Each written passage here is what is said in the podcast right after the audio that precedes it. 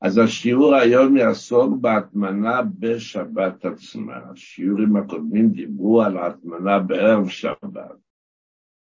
שבערב שבת אנחנו מולדים מהאש ובפרשו איזשהו תבשיל ורוצים להטמין אותו כדי שישמור את תחומו לתוך השבת. דיברנו את הדינים, איך מותר, במה מותר, ומתי אסור ואיך אסור, וזה תפס לנו שתי שיעורים. כן? היום אנחנו נדבר על תמרה בשבת. אז ככה, בהתמרה בערב שבת אמרנו שאסורה הטמנה רק בדבר שמוסיף הבל, כלומר דבר שמוסיף בחומו של הדבר שהטמנו, כפי שדיברנו את הפרטים איך ומה זה הלכה למעשה. בשבת עצמה אסורה ההטמנה גם בדבר שאנחנו נשתמש בלשון ההלכתית גם בהמשך, שמעמיד, כלומר הוא לא מוסיף בחומו של הסיר שאנחנו הטמנו, אבל הוא שומר את חומו. כלומר, גם בדבר, שמוס, ש, ש, גם בדבר שמעמיד אבל, שהוא לא מוסיף אבל, שהוא לא מוסיף חום, אסור. ולכן אסור לעטוף קדרת תבשיל חמה, וגם אם התבשיל שבתוכה מבושל כל צורכו. צריך להקדים ולומר, אנחנו מתעסקים בדיני ההצפנה, לא בדיני הבישול, תמיד צריך לשים לב שלא ניקשר בדיני בישול, אבל אני אומר שגם אם התבשיל מבושל כל צורכו, כל הפריטים בתוכו, ככה שההטמנה הזאת זה שאני אעטוף את הסיר הזה בתוך דבר שלא מוסיף בחומו, אלא מעמיד את חומו, מה הוא כבר יעשה לו? זה לא קשור. ההטמנה נעשה בשבת, מחמת הטעמים שכתוב בגמרא ובשולחן ערוך, ואנחנו לא מתעסקים כאן בטעמי המקרא, אנחנו מתעסקים בדינים עצמם. הלכה למעשה היא שגם שהתכלי, גם כאשר התבשיל מבושל כל צורכו, יתרה מכך, גם אם הוא מוגדר הלכתית מצטמק ורע לו, זה שהוא יתחמם עוד יותר, כל הוספת חום יכולה אפילו להזיק לתבשיל, שלא יהיה נעים לנו ולא יהיה טוב לנו, זה לא משנה. כל עוד דירת התבשיל או כלי שמזיק מים חמים, זה לא משנה מה, תבשיל על משתמש בו בתור כך שיהיה לי קל לו לקשר פרטי פרטים. גם כשגנרת התבשיל מבושלת כל צורתה, ואפילו מצטמק ורע לו, אסור בשבת לקחת את הקדרה הזאת ולהטמין אותה, גם בדבר שלא מוסיף חום, ולכן להטמין אותה בתוך קרים וקסתות כיוצא בזה, אסור. אני סיפרתי כבר בשיעור קודמים, ואני רוצה לחזור על זה שוב. אנחנו יודעים כבר את היסוד הזה שגם תראה בביתנים מזכיר את זה, ובהקדמת המשנה הברורה הוא מביא את זה מרייבישיץ, שמי שלא יודע הלכות שבת, אין מצב שלא ייכשל בחילול שבת, ולא בגלל שחס וחלילה הוא לא בסדר, בגלל שהוא פשוט אין, אין, אין שום מחשבה שעשיתי משהו לא טוב. אז סיפרתי שאני נקלעתי באחד השבתות, בבית של תלמידי חכמים, ואני לא מסתכל לדבר, הבעל הבית הוא מה שנקרא הש"סי, יהודי שלמד את הש"ס יותר מפעם אחת. משפחה של ממש יהודים, מה שקוראים בשפה של חרדים שבחרדים. והצ'ולט הורד ממקור החום שלו, והיו כמה מבני המשפחה שכבר רצו ליהנות ממנו עוד לפני שהתחילה סעודת השבת, ולכן, אחרי כן רצו אבל שעה שלא יתקרר, צ'ולט קר, שהשם ישמור, זה דבר שלציבור יכול לעמוד בו. לקחו את הסיר החם הזה, שמו אותו בתור, בחדר השינה, בתוך הסמיכות, כיסו אותו מכל אבן מלמעלה, מלמטה, כל הצדדים, קברו אותו היטב היטב בתוך סמיכות פוך, שהוא יחזיק את החום עד לסעודה. חילול שבת. שם הטוב בטח ימחל ויסלח, כי לכל העם בשגגה. אבל, הנה, ראיתי במוחש, אמרתי לאותו יהודי, לא, למה, מה, בטוח, בוא נסתכל ביחד.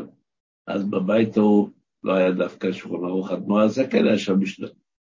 אמרו, אבל לא חשוב, זה גמרא, זה שולחן ערוך, זה לא משנה באיזה ספר שנפתח, זה כתוב. אז הוא צריך מאוד לדעת ולהיזהר. אז אני, שוב, חוזר וממשיך את השיעור בשבת עצמה. אסור להטמין גם בדבר ששומר חום, למרות שהוא לא מוסיף. למרות שכל מה שבצי מאושר כל צורכו, אסור להטמין אותו בשבת, וקרים וקסתות וכיוצא בזה. אבל,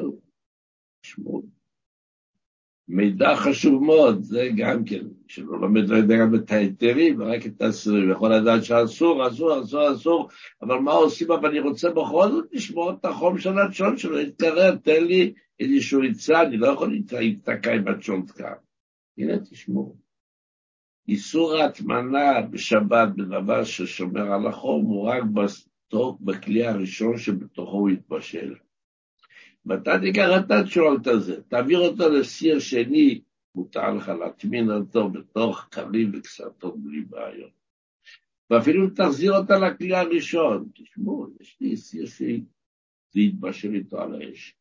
הדפנות של השיר הזה הן חמות, שומרות חום, אז יותר טוב.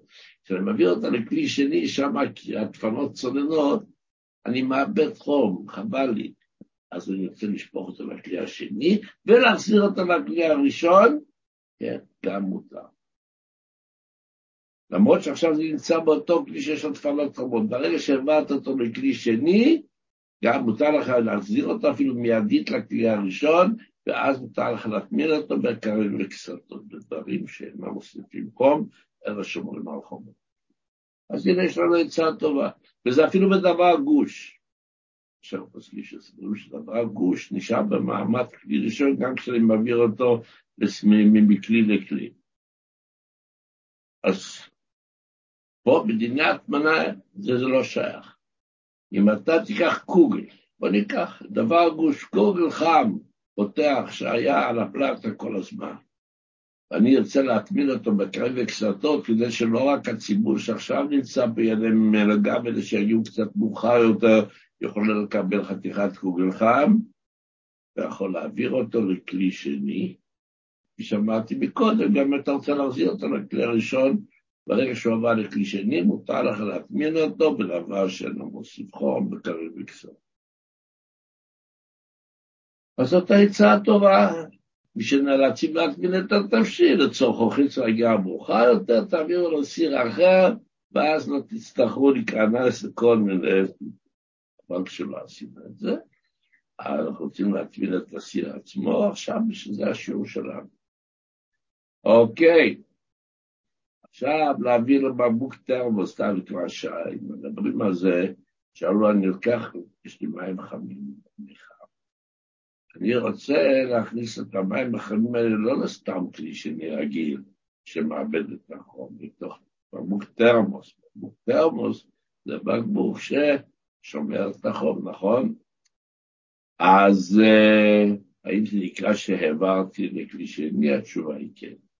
גם מותר, מותר להעביר בשבת מים חמים מהמחם לתוך בקבוק תרמוס, שזה ישמור על החום שלו שם ברמות תרמוס, שנשתמש בו מתי שרוצים, או שרוצים להעביר את זה לאיזשהו מקום, לקחת איתנו איזשהו אה, תרמוס מים חמים לאן שאנחנו הולכים, ממלאים מתוך המכבד תרמוס, סוגרים אותו ולהפעיל את זה איתנו, אין לנו שום בעיה.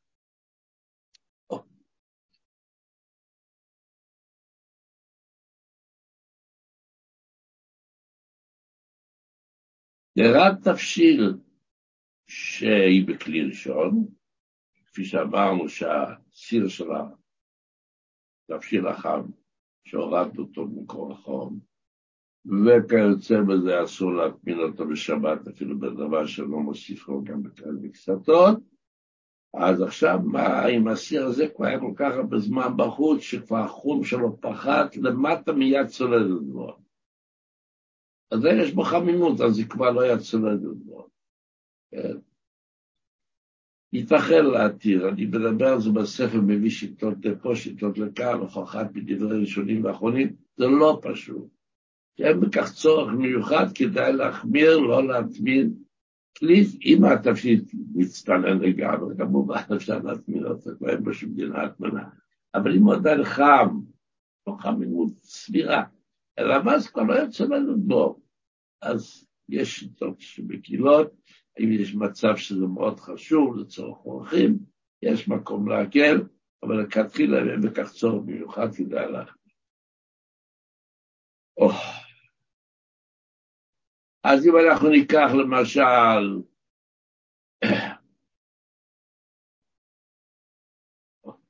עכשיו, מה נחשב להטמנה שאסורה בשבת בדבר שלא מוסיף זה?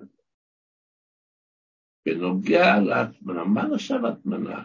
האם אני אשים איזשהו משהו, הנה יש לי פה את הסיר, אני אשים משהו על חלק מהדפנות, על הדפנות, למעלה, למטה, איפה זה השטח של הסיר שאסור לטבון אותו.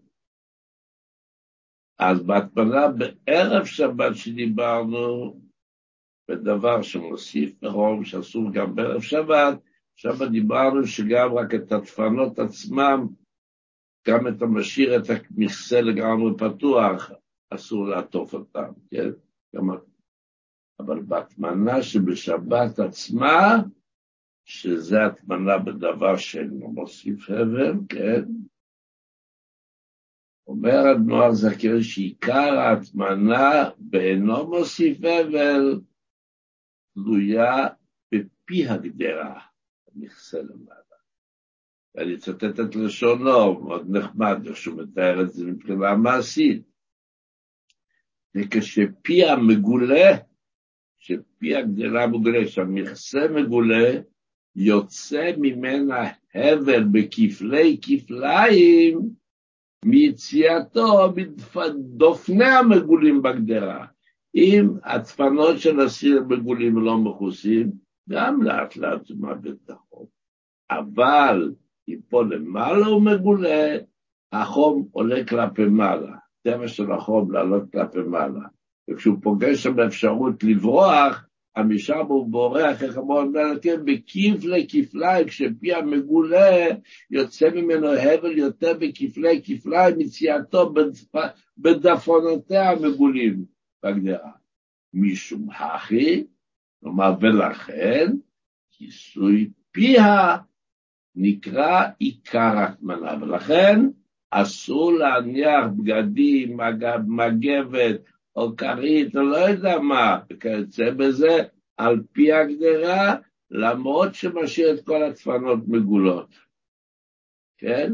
הורדנו סיר מהאש, אנחנו רוצים בכל זאת לשמוע את החום שלו כמה שאפשר, בבקשה. את הדפנות, אם עוטפים רק את הדפנות, אבל כיסוי הגדרה, המכסה, נשאר מגולה, כלומר, עושה במכסה, אבל עליו אנחנו לא שמנו שום קרים וקסתות ושום מגבות ושום דברים, אינו נחשב להטמנה. כן? שבת.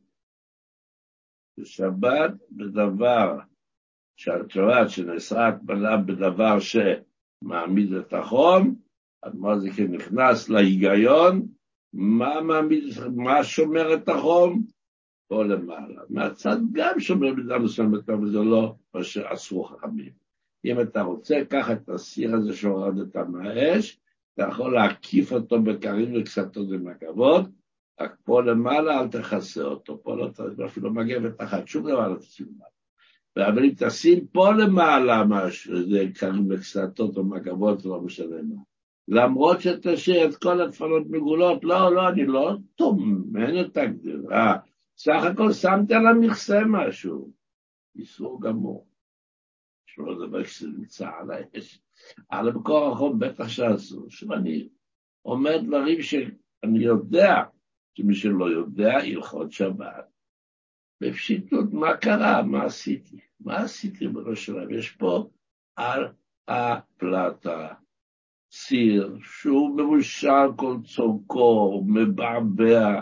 בסך הכל מה עשיתי? שמתי את המגבת מלמעלה, ש... בטח אם הורדתי את האש כבר, היא כבר לא על מקור החום. מה אסור לשים על איזשהו משהו מלמעלה שישמור את החום? אסור, כן, אסור.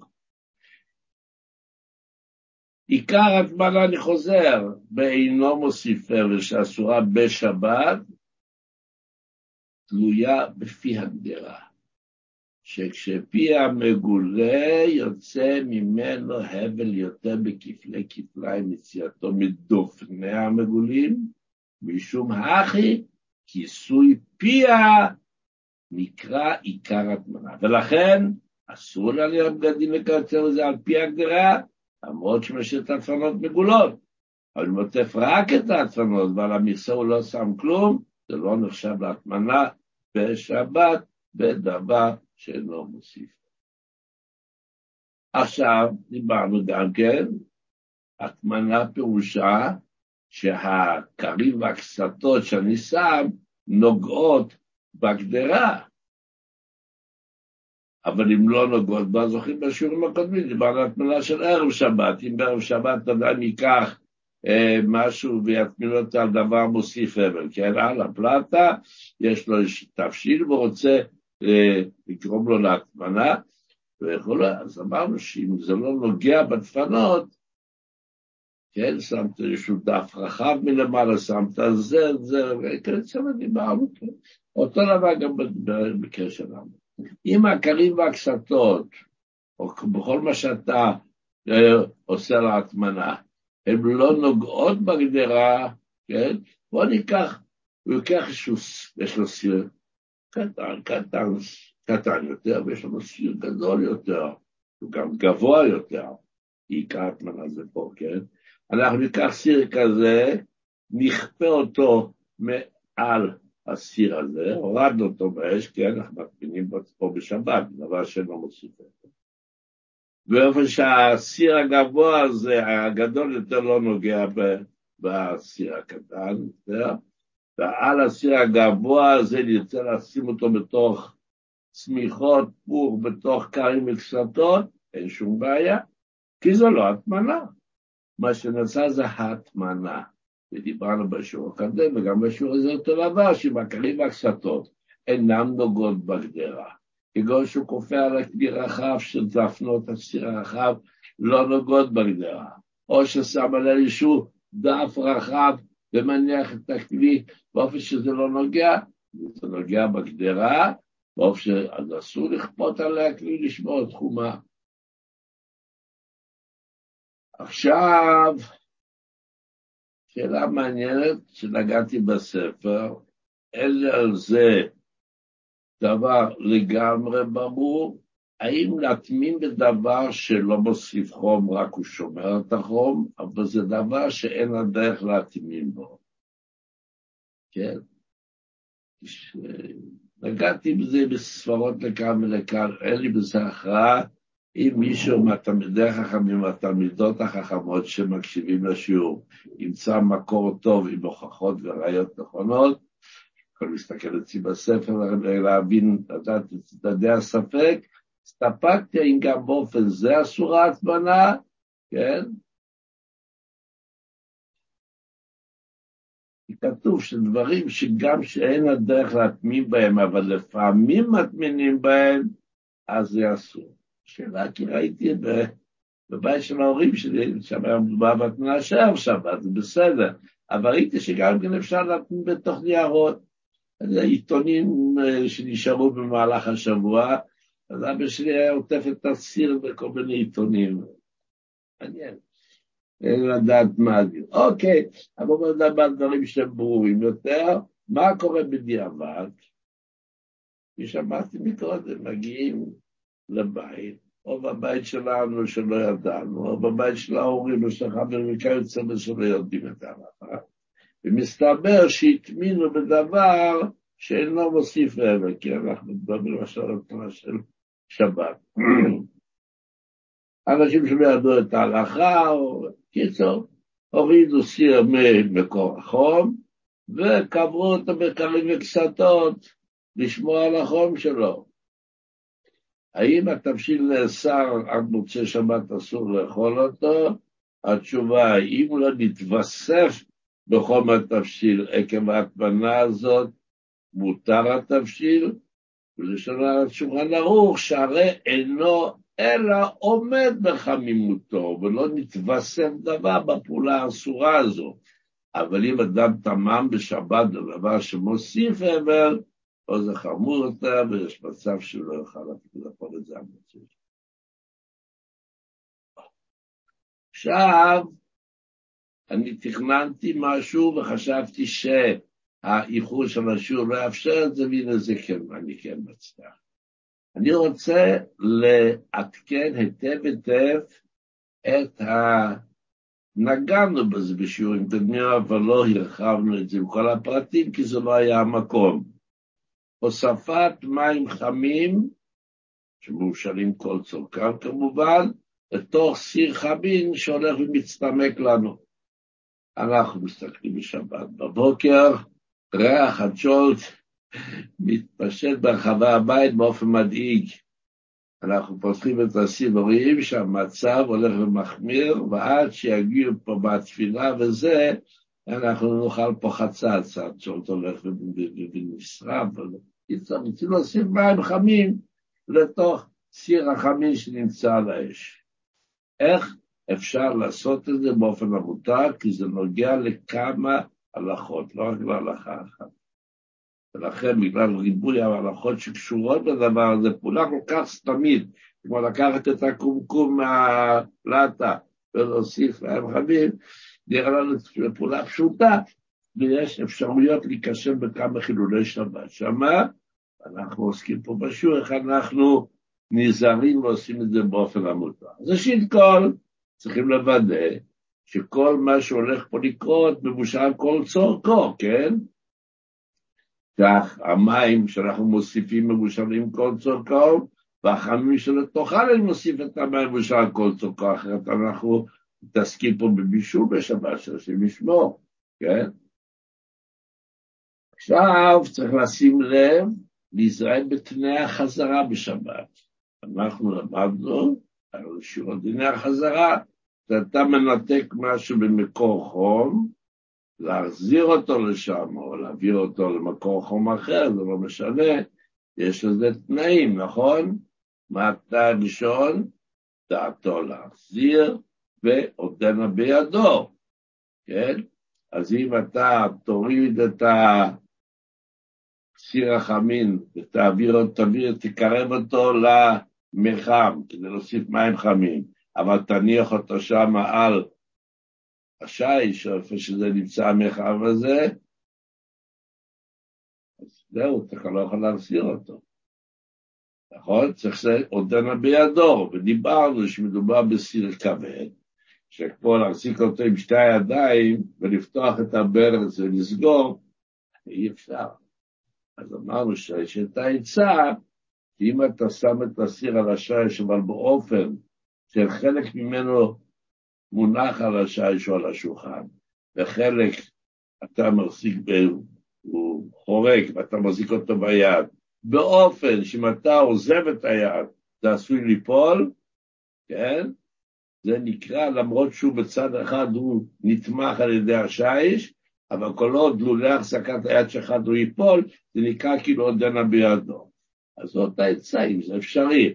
להביא אותו למצב כזה ולהחזיק אותו ביד אחת באופן שאני תומך בו באופן שאם אני לא אחזיק אותו הוא נופל על הרצפה, ואז ביד השנייה לפתוח את הבר של המים החמים ולסגור אותו. אבל צריך לדעת להיזהר בתנאי החזרה בשבת, שזה עודנה בידו, ודעתו להחזיר, ולא לשכוח שהקירה, המקור החום זה גרופה וכתומה. בשבת אסור להחזיר למקום חום שלא מוגדר גרופה וכתומה. דיברנו בשיעורים הקודמים שאפשר להגדיל, להגדיל את, את, את החום של הדבר הזה, אסור להחזיר אותו, נכון? אז אה,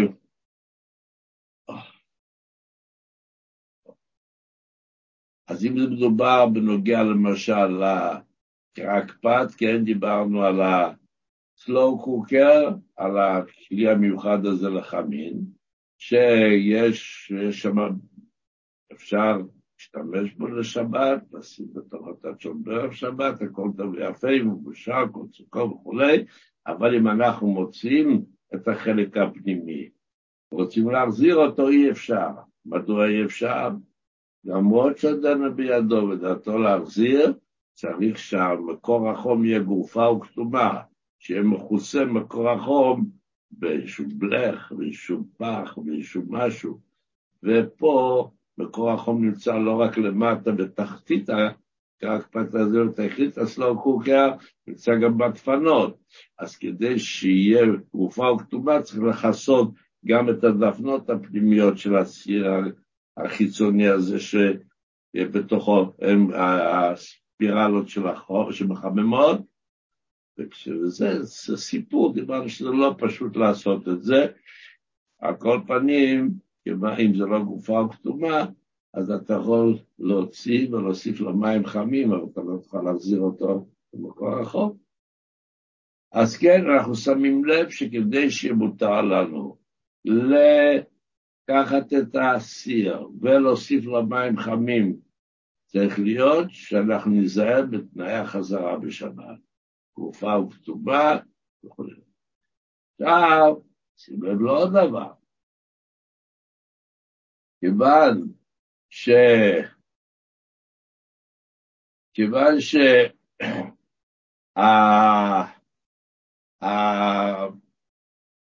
זה בדיני החזרה, דיברנו שאחד מדיני החזרה זה לדעת אדמו"ר הזקן ורבים מהפוסקים שאסור שזה יעבור לכלי אחר.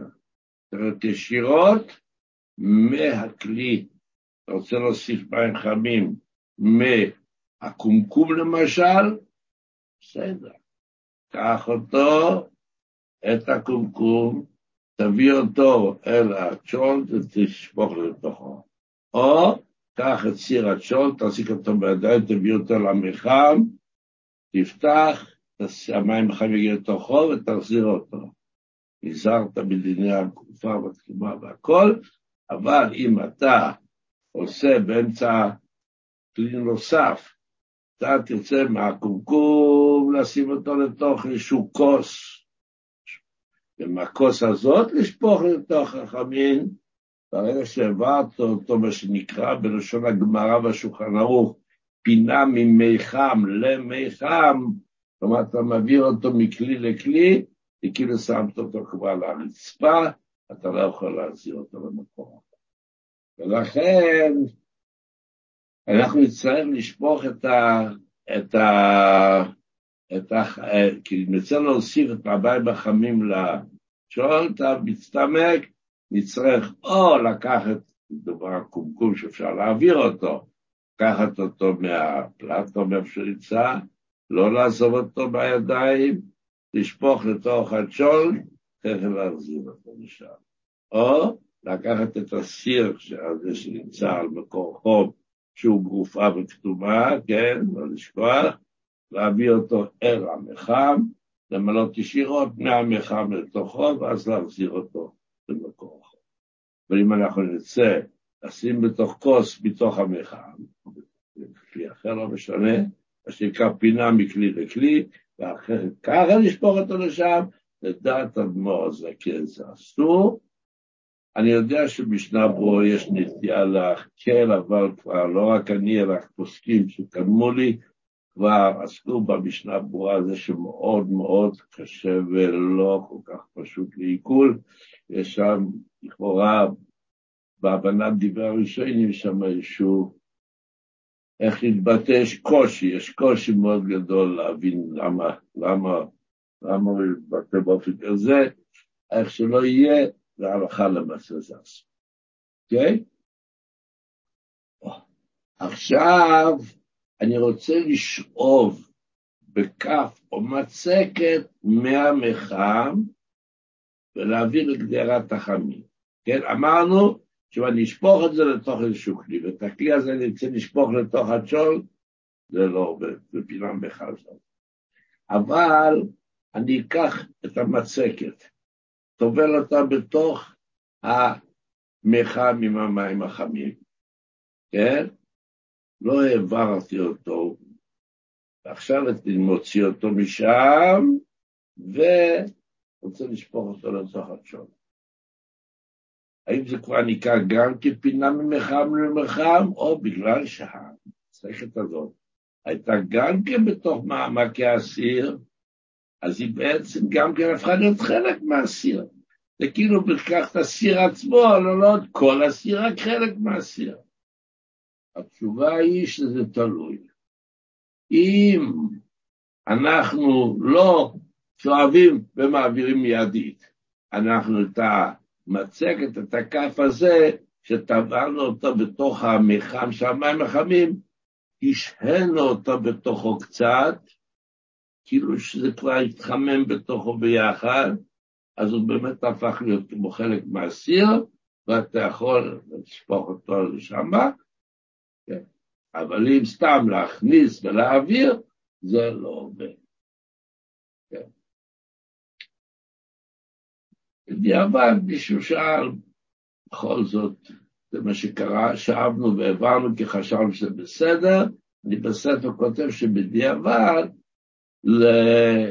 אפשר להכיר באופן כזה שכפי שאמרנו, לא העברנו אותו ממקום, מכלי לכלי, אלא את הכלי עצמו שאנחנו רוצים איתו לשפוך את הרצון, נכנסנו לתוך המרחם, ומכך אנחנו מעבירים אותו, בדיעבד שזה קרה, לא, התפשיל לא נאסר, אפשר להקל. אבל לכתחילה אנחנו יודעים שלכתחילה, כן, רוצים לנהוג לכתחילה בלי צ'ופצ'יקים, בלי להסתבך עם בעיות הלכתיות, אז אם אנחנו, זאת הדרך שאנחנו יכולים להעביר, כיוון שמשום מה את ה... הדוגמה שאמרתי מקודם, ניקח את הדוגמה, אדם שיש לו את הקרקפט הזה, את הסלואו חוקר, שאמרנו שברגע שהוציא אותו משם, הוא לא יכול להחזיר אותו כי זה לא גרופה או כתומה. אז, ואין לו קומקום, יש לו מחם שנמצא שם איפשהו, שתקוע בתוך התקע בחשמל. הוא לא יכול להעביר את המחם לפה, ולא יכול לקחת את הסיר ולהעביר לשם, כי הוא לא יכול להחזיר אותו, כי זה לא גופה כתומה, הוא תקוע. מה הוא עושה הבן אדם הזה?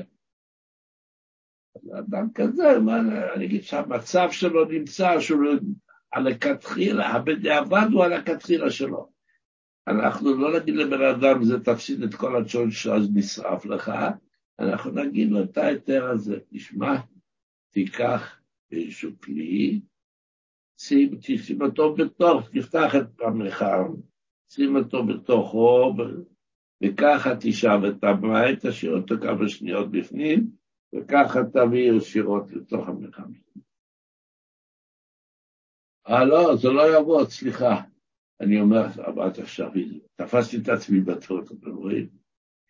כיוון שאני, אה, זה נקרא אבל חזרה. חזרה צריכה להיות גרופה וכתומה. אם, אם הקרקפת עכשיו ללא גרופה וכתומה, מה זה יעזור לי שזה נמצא עכשיו שם בתוכו?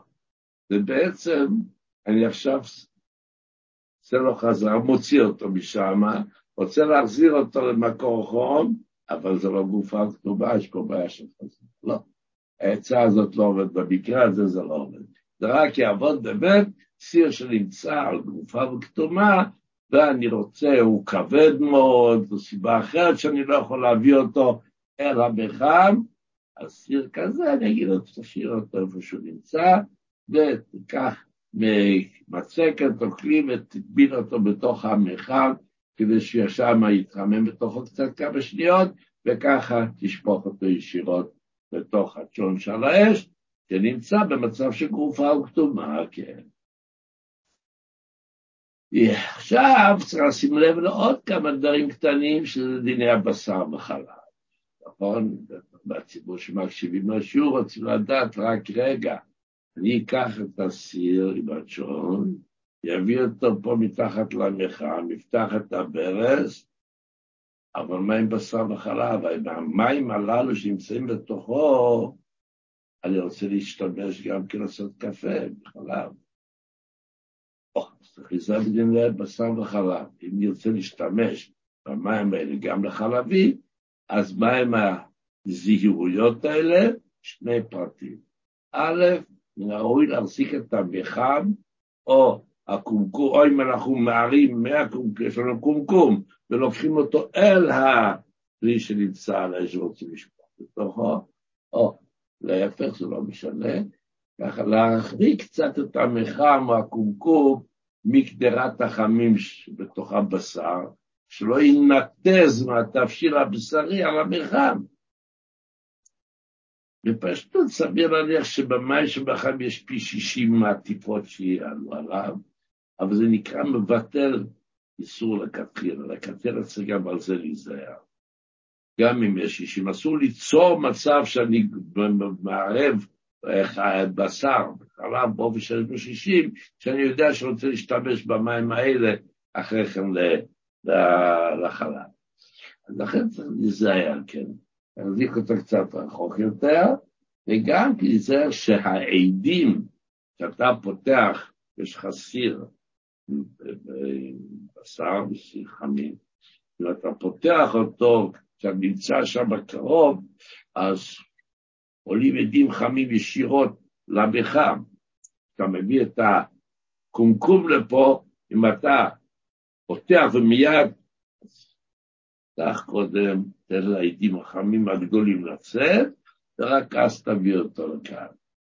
גם שאלו מה בנוגע, מה שנקרא ניצוק, הזרימה של המים החמים מהמחר בתוך הצ'ון, האם היא לא יוצרת חיבור בין הבשר שבצ'ון למים החמים. יש את הזרימה הזאת שמחברת, שנקרא ניצוק, ועל זה אנחנו כותבים בספר שהבעיה הזאת זה בסדר. אם נזהרנו בכל מה שאמרנו מקודם, זה שזה המאמר מחמים מהווה חיבור בין התבשיל הבשרי למי המחם, זה לא מפריע לנו. והנה יצאנו בשלום, השם שלום, אז שיעור,